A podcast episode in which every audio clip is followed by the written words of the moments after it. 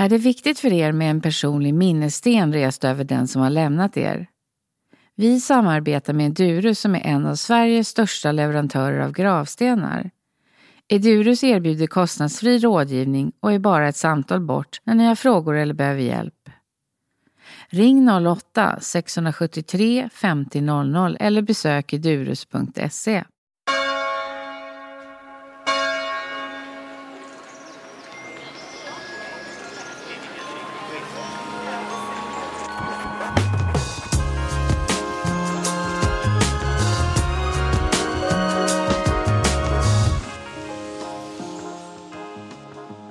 Välkommen till Min död, min begravning. Nina Lindvall, VD för Interflora.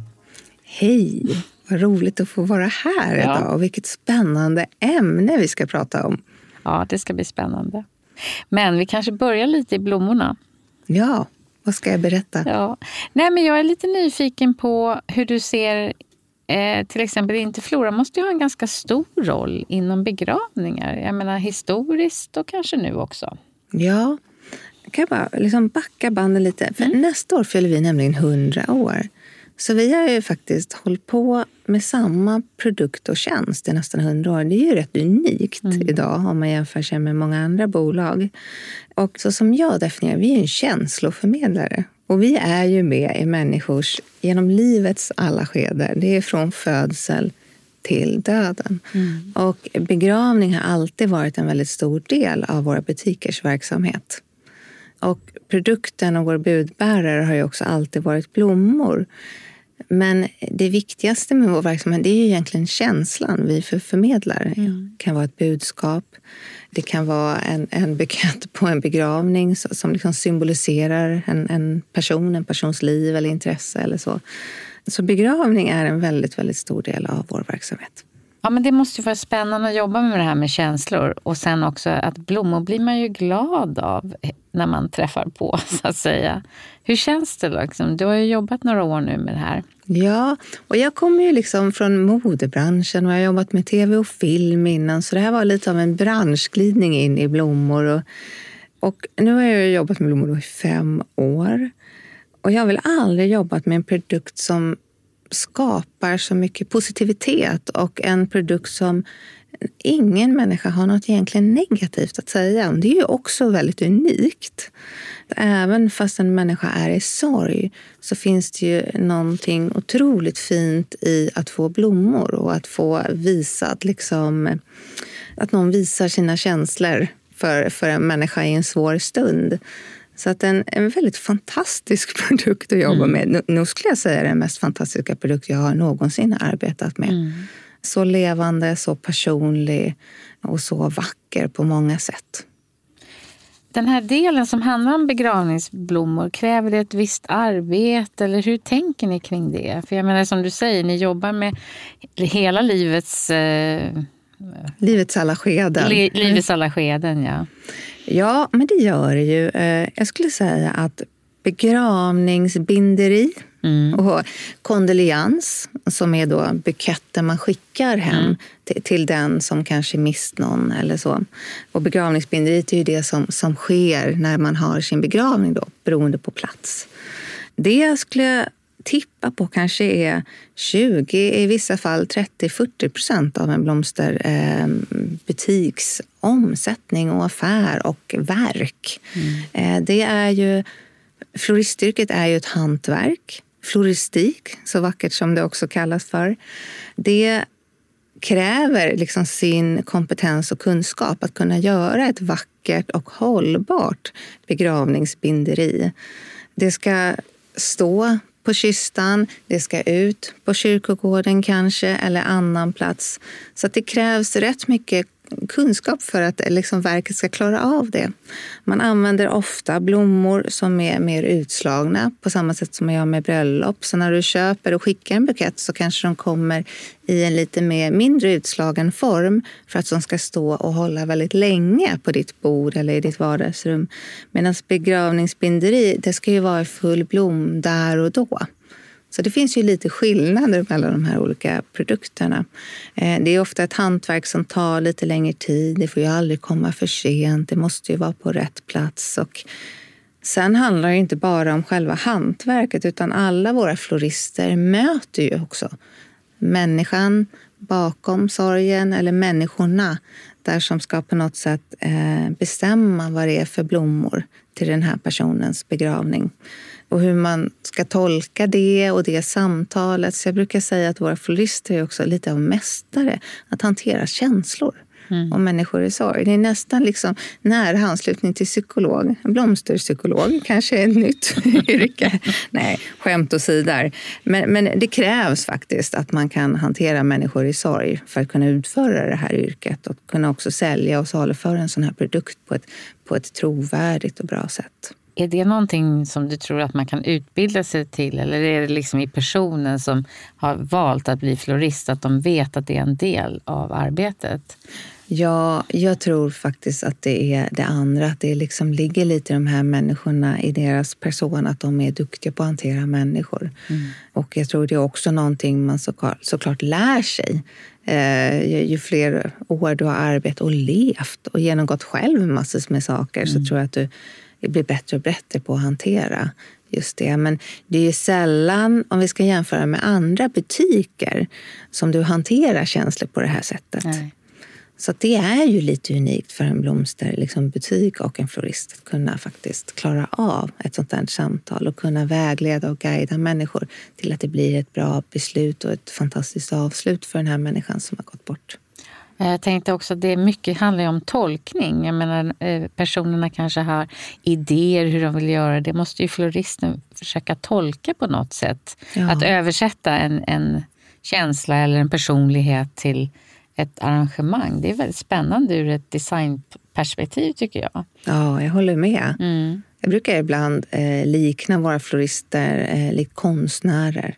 Mm. Att också genom ett samtal förstå och lära känna den här människan och försöka göra ett sånt personligt verk. För det blir ju unika verk för varje begravning. Mm. Så att där tycker jag också när vi ser trenden och vi har ju precis gjort om vårt sortiment inom begravning så har vi pratat väldigt mycket och intervjuat väldigt många butiker kring hur det ser ut nu jämfört med kanske för, för 20-30 år sedan och också pratat väldigt mycket med begravningsförbundet i Sverige och sådär.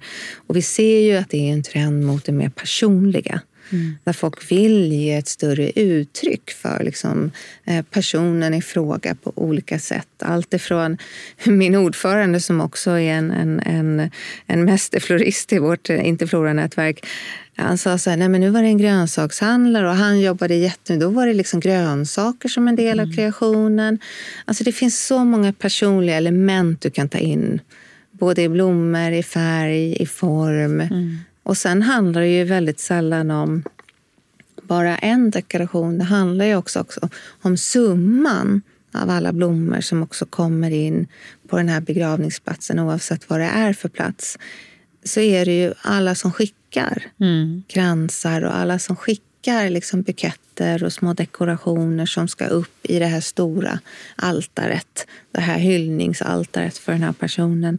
Och där har vi pratat om att Ofta kommer det idag från väldigt många, kanske olika butiker. Men jag skulle ju vilja styra det mer och mer mot att det faktiskt kommer från, från en butik. För då går det ju att designa så allt hänger ihop. Mm.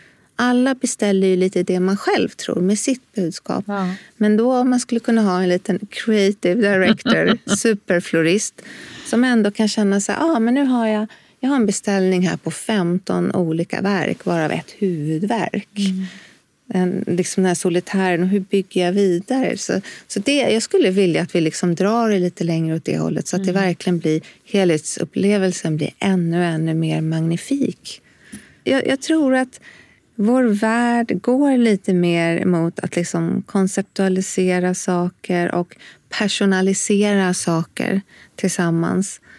Och, och då är det ju fint att man vill, man vill ha en röd tråd. Mm. Man vill ju att saker ska hänga ihop för att det ska liksom få en, en riktigt, riktigt stor och vacker effekt. Mm. Så, så det, det, det, är någonting vi diskuterade väldigt mycket kring. Och vi byggde ju också upp sortimentet. Jag har en bok här och nu alla poddlyssnare kan ju inte se den. Eh, men där är ju alla kreationer hänger ihop i vårt bildmaterial. Där du kan se då olika, ett stort verk tillsammans med... Du ser en tydlig röd konceptuell liksom, tråd mm. i vårt bildmaterial. Och det är också ett sätt för att hjälpa de som beställer blommor att kunna, kunna se liksom den stora bilden av hur det skulle kunna uppfattas vid den här liksom, tidpunkten för begravning eller undsättning eller vad det nu må vara. En sån här begravningsbok, är det för att man ska kunna titta på olika exempel för att kunna starta ett samtal vad man vill ha? Ja, det är ja. som en inspirationsbok skulle ja. jag kunna säga. Ja. Man kan ju beställa precis likadant. Ja. Eller man kan anpassa. Men mm. det är mm. verkligen boken för att öppna det här samtalet. Ja. Och sen måste man ju såklart förhålla sig till årstid. Alla blommor går ju inte att få året runt. Ja, det. Så det finns ju vissa eh, begränsningar såklart i vad man kan leverera där och då beroende på månad och årstid. Mm. Ja, men det var en intressant tanke det där att det skulle hålla ihop. Sen kan jag ju säkert se att kanske alla vill göra sitt eget val också. Absolut. Ja. Absolut. Det är ju, det är ju på något sätt en ett sista farväl. Jag skulle vilja hellre rubricera som en sista hyllning. Ja. tycker jag är fint att titta på det. Och det är klart att det ska ju ges utrymme för allas känslor ja. och alla sätt. Så mm. det är med en enorm respekt och vördnad när man hanterar de här frågorna. Men jag kommer också från en design och mode liksom värld så lik dig. Så att jag skulle gärna vilja att den möjligheten också erbjuds. Ja. Och jag kunde också fängslas lite av när vi gjorde research för eh, när vi skapade upp det här nya sortimentet. Och då tittade vi både in inom Sveriges gränser och också internationellt att det är ju en oerhört traditionell bransch. Mm. En oerhört långsam bransch och mm. kanske med all rätt. Så det var svårt tycker jag att hitta liksom nya infallsvinklar på det. Och någonting som nästan var omöjligt, vilket förvånade mig något, eh, väldigt mycket, det var att det var svårt att få hållbara alternativ. Så det var lite liksom tanken med när liksom, hela idén med vårt begravningssortiment, det var att skapa alltså personligt, mm. att visa på den röda tråden, det konceptuella, men framför allt också skapa hållbara alternativ och ta upp det temat och kunna guida kunden utifrån de premisserna och lära kunden faktiskt att så här kan man göra, det här är ett hållbart alternativ. Ja, för det tror jag inte alla känner till. Vad Nej. är ett hållbart, vad är det som inte är hållbart i arrangemang och Ja, men det är ju så att och speciellt när man då jobbar med en kyrkogård där ofta verken kanske är kvar på kistan eller urnan. Det går direkt i komposten på kyrkan. Det, det, krävs ju ännu, liksom, tycker jag, en högre standard. Och vi har också talat med Svenska kyrkan i det här arbetet. Mm. Och där finns det olika kommuner har olika regler för det här. Men det är klart att det här kommer förflyttas med vad det är som krävs. Nej, men en sån enkel sak var ju att man jobbar ju med stora begravningsband mm. där man skriver. Mm. Eh, väldigt vackra. Och jag sa så här, men vad är det här? Men det är plast. Det kan ju inte vara plast om det ska brännas upp eller om det går ner i komposten. Vad finns det för alternativ? Nej, men det var lite svårt att hitta alternativ. Men ju fler frågor vi ställde så visade det sig att det fanns faktiskt jättemycket bra alternativ som var i naturmaterial. Så då bestämde vi oss, väldigt enkelt beslut egentligen, att så här, men vet du vad, vi går över mm. till naturmaterial. Så alla Interflora-butiker ska ha naturmaterial i de banden. Det var ett enkelt steg. Sen finns det ju andra steg i det här. Att Oasis, det är den här stickmassan som man har använt jättemycket och som är en rätt viktig komponent i begravnings. Där har vi tittat på alternativa tekniker, eh, alternativa produkter som också är hållbara för att liksom göra det liksom några steg på vägen. Så att här har vi jobbat jättemycket med buketter också som inte ens står i något utan en spiralbindning. Yes där du nästan kan ställa den direkt på golvet. För det mm. handlar ju också om att produkten ska stå bra kring liksom urna eller kring kista på ett tryggt sätt såklart. Den ska inte ramla mitt i, en, i, i den här akten. Så att vi har tagit flera sådana alternativ. Vilka snören man binder med, bara naturmaterial, ska inte vara plast. Nej. Så några små aktiva val och eh, att också frångå Oasis i den mån vi kan. Det måste ju vara det svåraste, att frångå Oasis, för mm. den är ju så bra att jobba med. Absolut. Och, eh, och Oasis har gjort också många framsteg i att ta fram bättre liksom, produkter ja. som är hållbara. Så vi jobbar ju eh, väldigt nära våra leverantörer att hela tiden pusha dem, ställa frågor. Så det är en dynamik i det samarbetet där de liksom kommer längre och längre fram. Mm. Så det, det, är ju, det är ju verkligen min ambition som vd för Interflora att göra det här på bred front ja. i möjligaste mån. Och sen så har vi inte ens pratat om egentligen eh, den, den, stora varan som är blommorna. Mm. Också hitta hur kan vi jobba hållbarare med blommor. Nu är det ju här en, en akt där det ska stå väldigt kort tid. Men de andra produkterna ska ju stå länge. Och var kommer de ifrån och hur, hur mycket CO2 släpper de ut? Och det där jobbar vi också med. Mm. Men på det sättet är det också, skulle jag säga, en, en omogen bransch i hållbarhetsfrågan. Mm. Och omogen bransch utifrån liksom design och konceptperspektiv. Så den är omogen på många sätt och ändå så fantastisk. Ja. så det är en väldigt spännande bransch att verka i tycker jag. Att det går att fortfarande göra små saker som mm. får en rätt stor eh, förändring. Men jag gissar att det här initiativet att titta på hållbarhet har inte kommit från kunderna. Nej, inte i begravningsnämnd. Det har kommit starkt drivet faktiskt från ja. mig och min hållbarhetschef. Mm. Mm. Där vi har pushat. Och sen så vet vi också att vi ser i, i Norge så har de drivit den här frågan väldigt hårt utifrån liksom kyrkosamfund. Och vi har ju haft en dialog med Svenska kyrkan så vi vet ju att det här är en förflyttning. Ja. Och vi måste anpassa oss och vi vill gärna gå lite före för att visa vägen. Mm.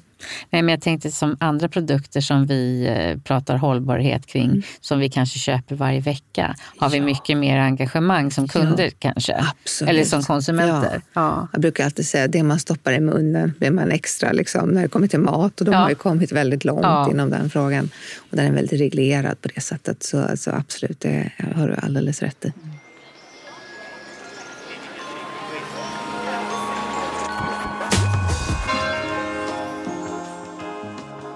Vad tror du det är som gör att blommor är så avväpnande eller så glädjande? Alltså, vad, vad, är, vad, vad brukar ni prata om där? Men blommor är ju en sån, det är ett sån levande materia. Och det är ett sånt personligt och individuellt språk.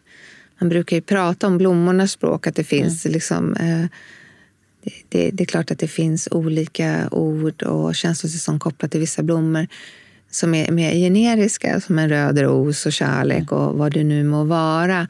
Men, men, vi tittar mer på att det är ju personligt för varje individ. Och det är klart att en, en person som har gått bort vill man ju hylla den personen. Och vad hade den människan för relation till blommor?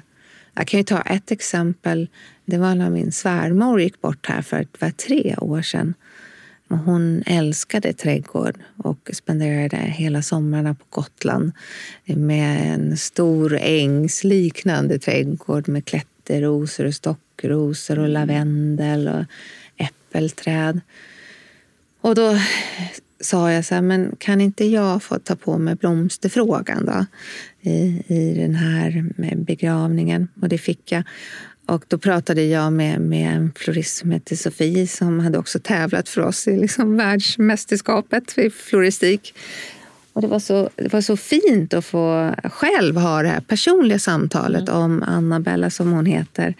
Så att hon skapade, det här var en urn, urnsättning eller urnbegravning.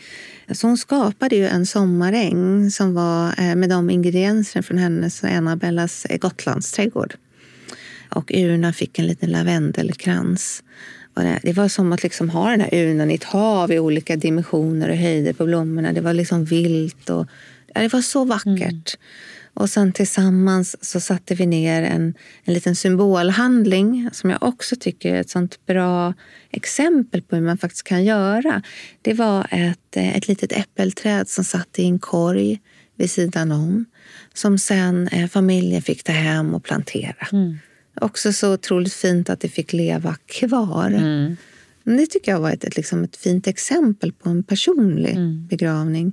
Och hur det gjorde också att det blev, det blev väldigt levande.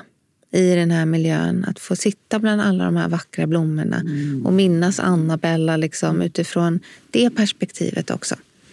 Jag är så nyfiken på, för har man själv varit involverad och gjort blommorna så har man sånt fokus på det och tycker att det är så viktigt också.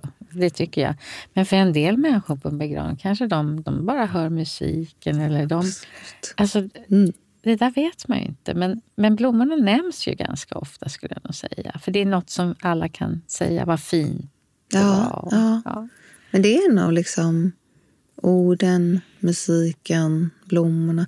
Men man får ju också tänka på vilken miljö begravning är. Och, och som oftast är det ju kanske i någon typ av kyrka eller kapell. Det är ofta en rätt stel och hård miljö, även fast den är väldigt liksom känslosam. Stor, Ja, rymlig. ja.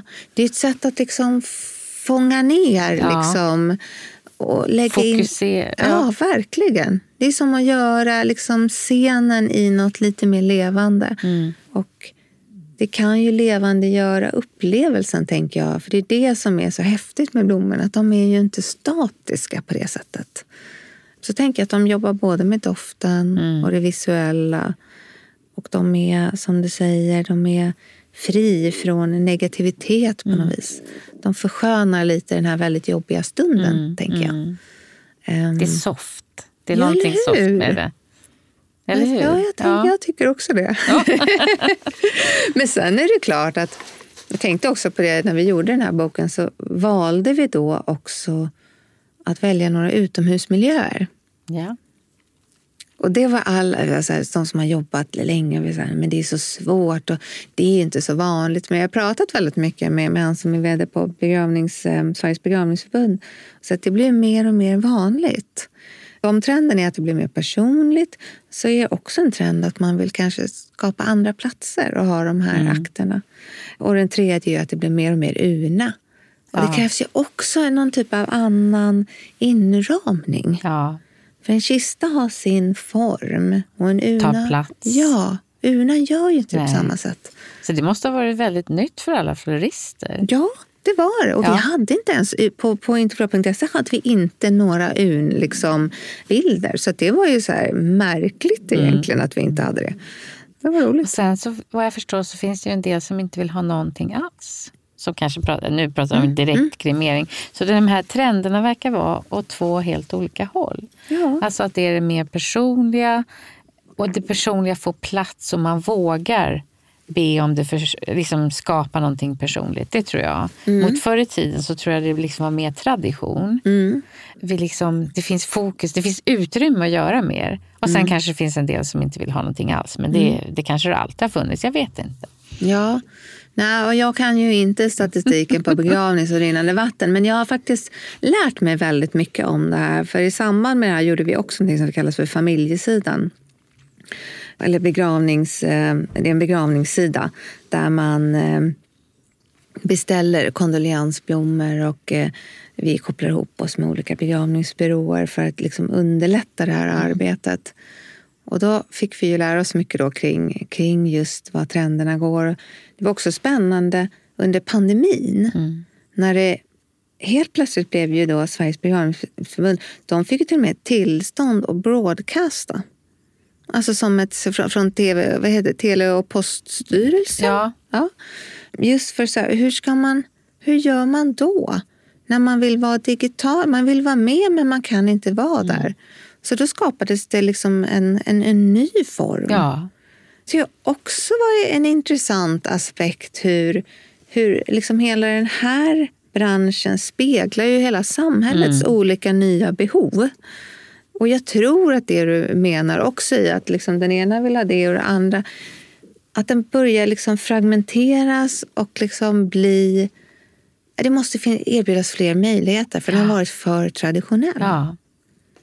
tänkte på, på innan jag kom hit också kring hur man just planerar så många delar av sitt liv i högtider och födelser och studenter och examer och, och bröllop. Och, men och hela liksom, syftet med den här podden är ju att ställa sig frågan då kring begravning.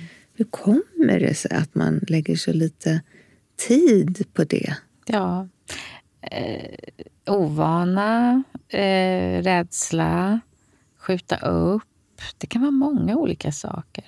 För det blir ju också en påminnelse om ett, att ett liv ska ta slut. Så det är ju en tuff grej. Men, men ju fler jag talar med så blir det så tydligt att börjar vi prata med varandra i familjer så skulle det ju bara underlätta. Mm. Om du frågar dina föräldrar hur de vill ha det eller om du frågar din, din egna familj eller så. Att vi försöker. För det kanske tar jättemånga år att komma fram till hur man vill ha det också. Det är mm. ingenting man vet kanske på en gång. Du som har mött så många människor och också tänker jag som tänker på den här frågan mm. varje vecka, mm. eller varannan vecka ja. i alla fall. Hur, hur har liksom ditt perspektiv i din omgivning förändrats kring den här frågan? Uh, ja... Det är många som när de ser mig så säger åh jag ser din podd, men jag har inte lyssnat. Vad spännande. Ja. För det kan ju vara, ett, det kan ju vara också en, ett, en tröskel att lyssna. Mm. Sen vet jag inte hur, vilken effekt det har haft så. Det är väldigt olika, för en del jobbar ju inom branschen som är mm. gäster i podden och de mm. är ju liksom igång med det. Mm. Och sen är det ju många som inte gör det. Så det, jag tror att det är liksom så att man tänker å ena sidan, ja det här är jättebra, men sen är det, hur ska det bli av? Och jag frågar ju alla, har du tänkt på det? Många har ju väldigt mycket åsikter tills det kommer till deras egna begravning. Mm. Så hur, hur har du tänkt kring din egen begravning? Jag tyckte att det var så otroligt roligt att jag fick frågan att få komma hit. Och ännu mer spännande att börja liksom reflektera över de här frågorna. Och det är ju såklart, jag håller med att det är svåra frågor. Men jag ser ju också en väldigt stor möjlighet i det här. Som jag tycker du gör väldigt bra, att liksom hjälpa människor att öppna upp för de här tankebanorna. Varför senast så hörde jag om någon tjänst kring också så separation. Jag ska svara på den här mm. frågan snart. Det här kommer vara en detour. Men jag tänker att det var någon som startade en tjänst för hur man får hjälp att separera. Mm -hmm. Det är också lite samma sak. Ja, då ska man gå till någon typ av så jurist. Men då hade hon satt ihop ett mer konceptuellt paket med olika stöd. Jaha. För det är ju inte bara du kanske behöver en psykolog, du kanske behöver någon för familjen. Alltså, det, det är väldigt många delar mm. av en separation. Och jag tänker faktiskt så om liksom livets sista skede. Att det finns flera olika delar där som man behöver hjälp med. Mm. Men det är ingen som jag riktigt, för då är det begravningsbyrå. Då är det på något vis när det har skett. Ja. Och så hela det här gapet i livets sista skede fram till det. Mm. Där tycker jag att det finns faktiskt utrymme för att hjälpa människor med de här frågorna ja. i en större form faktiskt. Så det hoppas jag att jag skulle kunna få se. Ja. Att du kan hjälpa till att det faktiskt kan skapas någon sån liksom, byrå eller någon sån typ av tjänst, mm. plattform. Mm. Vita arkivet är väl liksom ja. en, en del ja. att göra det. Men jag tänker att, att liksom affärsvärlden, för nu, nu blir jag affär och jag råkar ju vara vd så att jag tänker väldigt mycket mm. möjlighetsorienterat utifrån det perspektivet. Det, det, finns verkligen ett gap på marknaden här att kunna hjälpa olika människor till att planera det här så att mm. det blir på ett bra sätt och att det blir enklare för alla som sörjer. För mm. det jag hör och det jag själv varit med om så är det ju oerhört jobbigt mm. att dra hela lasset. Det är så många delar. Mm. Om du inte har något underlag eller ja, information och så, verkligen. så blir det ju jobbigare. Mm. Och svårt att veta hur man gör och vad man ska göra. Alltså det, tänk om man kan svara på massor av de här frågorna mm. innan, så tänker jag. Ja, och nu då återigen till hur jag tänker kring min egen begravning. Det, det, det var den bästa frågan jag har fått på väldigt länge. Så skulle jag nog... Jag älskar ju naturen. Och jag är oerhört liksom, intresserad liksom, av hållbarhet och ser ju inte riktigt på döden som ett slut. Jag på något sätt... Livet pågår mm. hela tiden och någonstans lämnar man, man, man finns ju kvar i olika former. Det är lite min liksom, filosofiska approach till liksom, slutet och döden. Och jag skulle nog jättegärna vilja bli eh, liksom kremerad och ha någon typ av sista jag vill inte säga begravningsakt. Jag skulle vilja ha någon hyllningsakt i mm. naturen där min aska sprids på en hög punkt på ett berg med kanske vatten och hav i skogen. Med liksom naturen som element. Mm. Och jag skulle vilja att de människorna som jag älskat och som älskar mig får vara och hylla mig och den kärleken till det liv vi har delat kollektivt. Eh, jag skulle inte vilja att de bar svart. Jag skulle vilja att det var ett försök till lite mer glädje kanske i den här sorgen. Mm. Så ser jag nog på, på, på min, min sista fysiska, eller ja, första mm. döda stund. Då. Um, ja, det är de tankarna jag har nu. Och jag tänker också att det är nog någonting man bör skriva ner och kanske liksom att man får eh, sova på det några år troligtvis. Ja. Men jag har faktiskt också ställt frågan, eller den kom upp automatiskt när, när en, en, en moster till mig eh, tråkigt nog gick bort här för, för snart två år sedan. Då kom vi ju in på det här temat. Det är ofta när någonting mm. sånt sker i en familj man kommer in på, på de här ämnena. Och de var väldigt explicita faktiskt i hur de, på väldigt olika sätt, hur de såg på det. Och först kändes det helt konstigt. Jag blev jättenervös över det här samtalet. Och sen, samtidigt så kände jag efteråt också, gud vad skönt. För nu vet jag lite mer. Mm.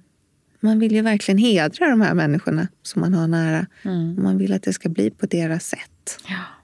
Men vad fint att du delar med dig om... Det kändes ju ändå som du hade tänkt en hel del hur du ville ha det. Eller så kom det vara väldigt, väldigt naturligt.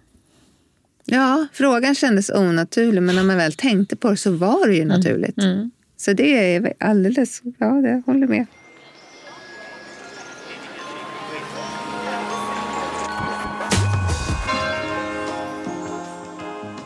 Har du några fler erfarenheter från begravningar som har varit fantastiska eller inte fantastiska? Eller någonting bara liksom...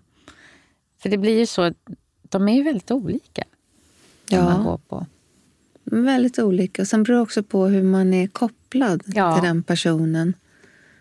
Jag, jag, jag, tänkte, det var också på min svärmors begravning som stod mig väldigt nära. Men det var ju inte min närmsta som, som då, min dåvarande sambo.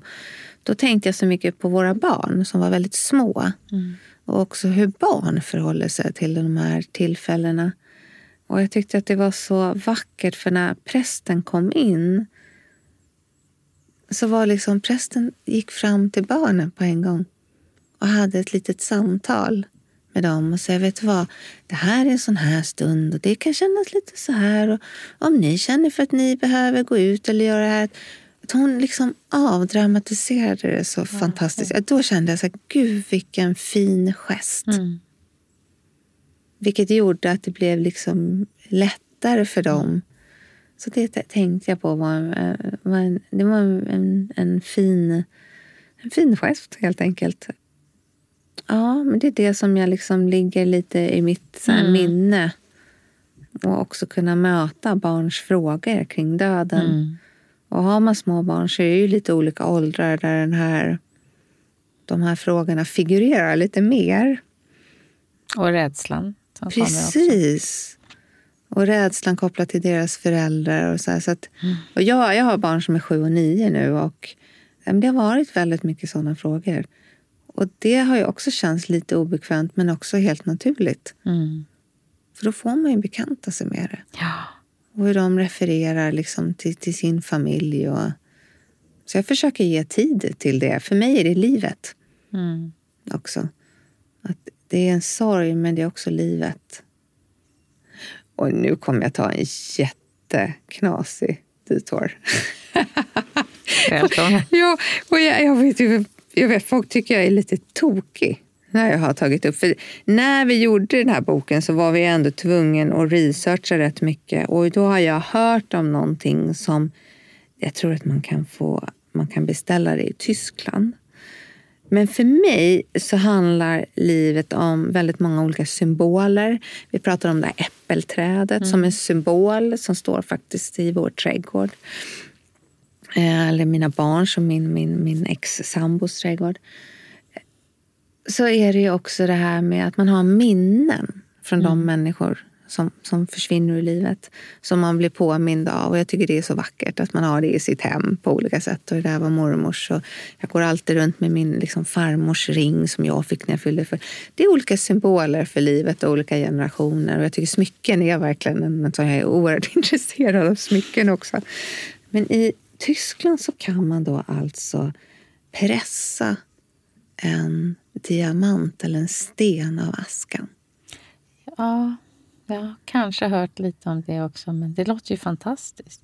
Ja, det tycker ju jag också.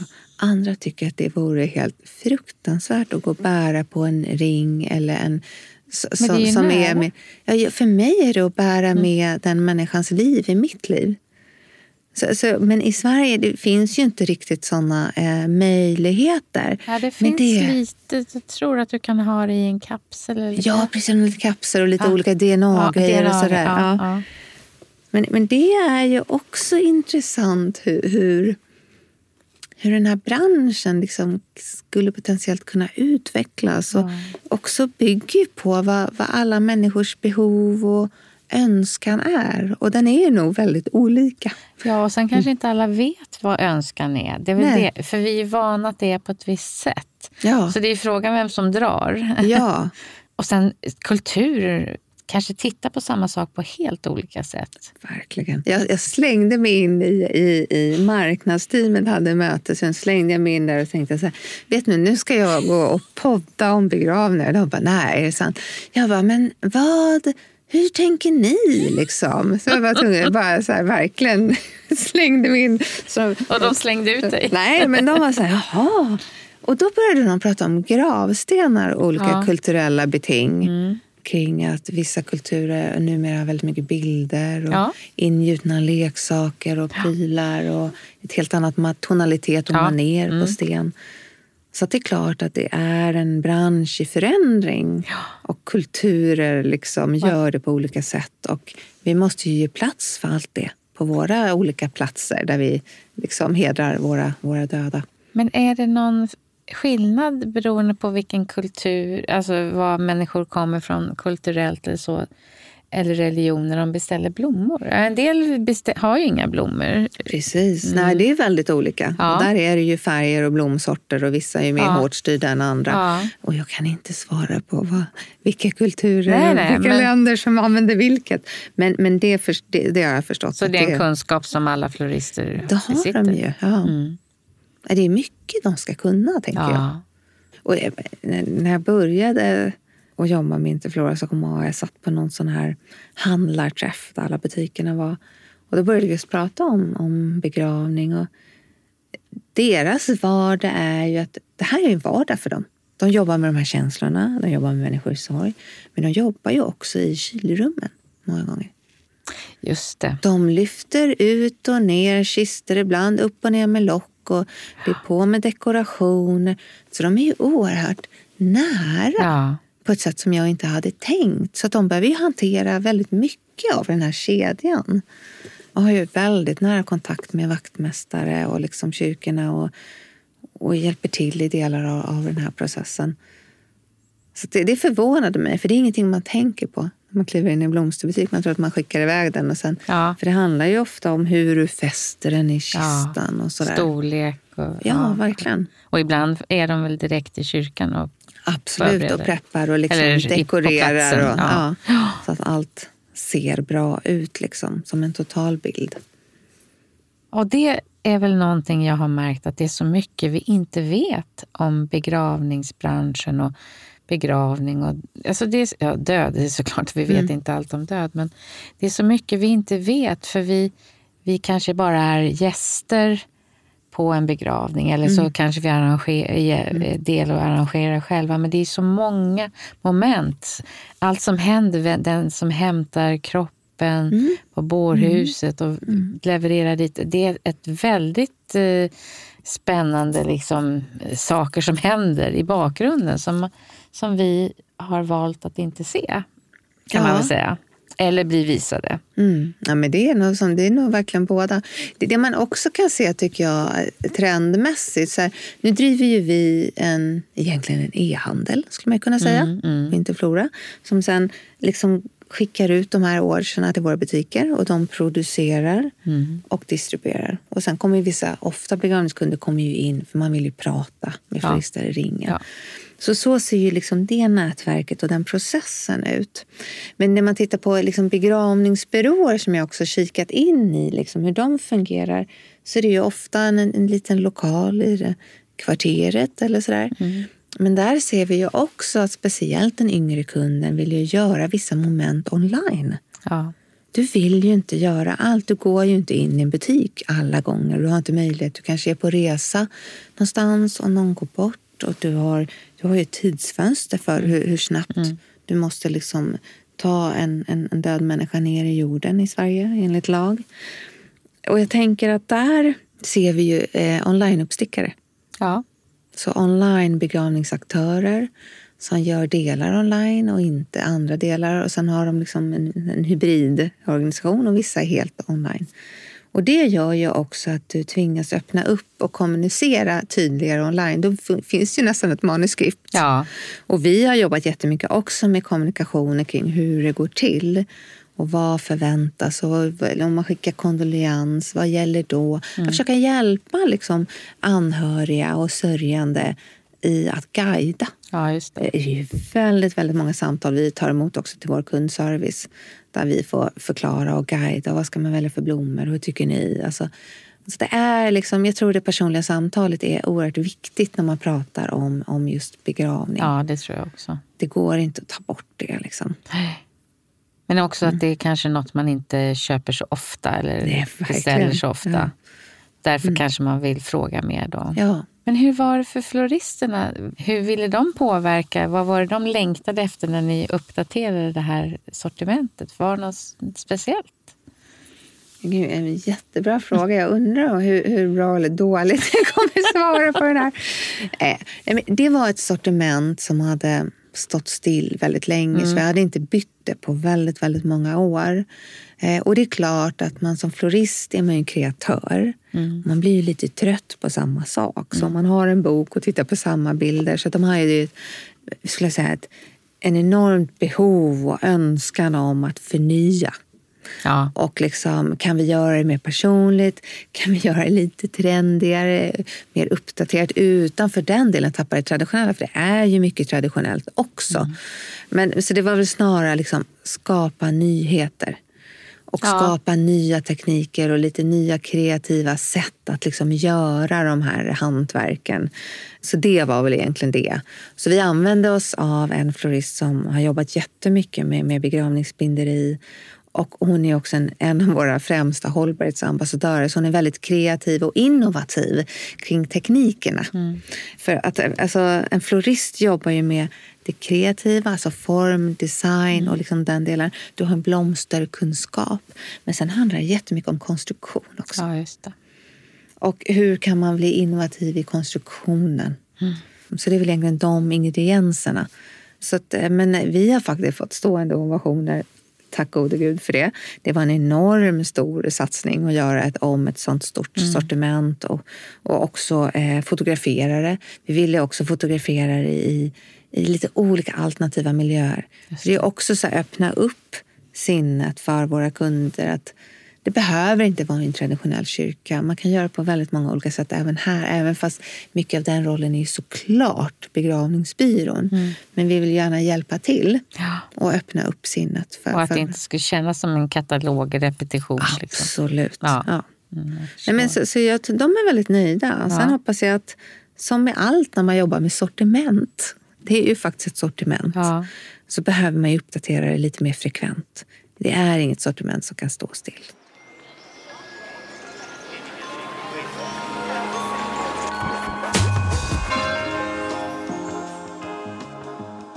Jag, jag har lite funderingar. Jag tänker på det här att vi, vi pratar om att vi vill kunna göra det mer personligt, göra på vårt egna sätt och att det öppnar upp att vi kan få göra det. Men det ska också bli spännande att se vad som händer rent eh, spirituellt, eller vad jag ska säga, nu när vi inte liksom alla har inte religionen att liksom luta sig mot. Kommer vi att vilja ha några andra slags ceremonier? Spann, jättespännande tankar tycker jag jag tycker, om man tittar på dop. Ja. Liksom, man kan ju ändå luta sig mot andra högtider och se hur de har utvecklats. Så, så här, nummer ett kan man ju titta på högtider och tänka att det är väldigt traditionellt i grunden. Men dop har ändå blivit namngivning. Att det, har liksom, och det, det finns fler... Ja, men man har expanderat lite. Jag tänker kanske bröllop också.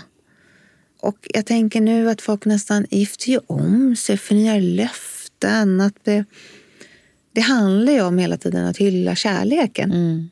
och hylla livet. Mm. Och jag tänker i den, i de- den period vi lever så tror jag att det kommer bli mer och mer påtagligt. Mm. Att man vill försöka hitta tillfällen där man också hyllar livet. Och frågan är hur lätt eller svårt det är att bryta upp norm och struktur kring begravning. Det kanske numera är den sista högtiden som man inte riktigt har brutit upp. Mm.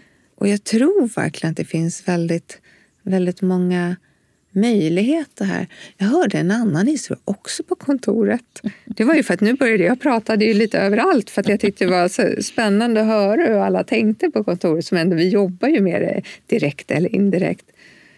Nej, men de skulle liksom åka ut med en båt till en speciell plats och liksom gjorde sin grej där och det hade de gjort tidigare och, liksom, och den här partnern ville ha samma. Så jag tänker att ja, men jag tänker nog att vissa familjer redan kanske tänker så. Mm. Ja, det som ligger närmst. Det, det, det är svårt om man ska titta på tendens i samhället versus att jag tror att det sker idag. Och jag tror att det finns absolut ett stort behov egentligen att öppna upp den här dörren till det här rummet. Eh, Och jag tror det är som med allt, när man börjar prata och ställa frågor, då väcker man ju väldigt mycket idéer. Eh, och Bara att jag skulle komma hit har jag har väckt så många idéer och tankar i mitt huvud eh, som jag är väldigt tacksam för att jag har fått möjlighet att tänka. Och ja, vi har väl konstaterat att vi har flera affärsmöjligheter här också. Och olika tjänster som faktiskt kan hjälpa människor att få göra det lite mer på sitt sätt. Mm. Eh, Men det, det krävs nog lite extra mod i det här skedet i livet. Ja. Tack Nina Lindvall. Jättespännande att höra dina tankar. Tack snälla för att jag fick komma hit och eh, få lufta dem. Och det var lite som hjärngympa. Det gillar jag. Ett oerhört vackert eh, och eh, tankevärt samtal. Tack. Tack. Tack för att ni lyssnar på podden Min död, min begravning. Nu har vi fyllt ett år och för att fira det får du gärna rekommendera den här podden till någon i din närhet.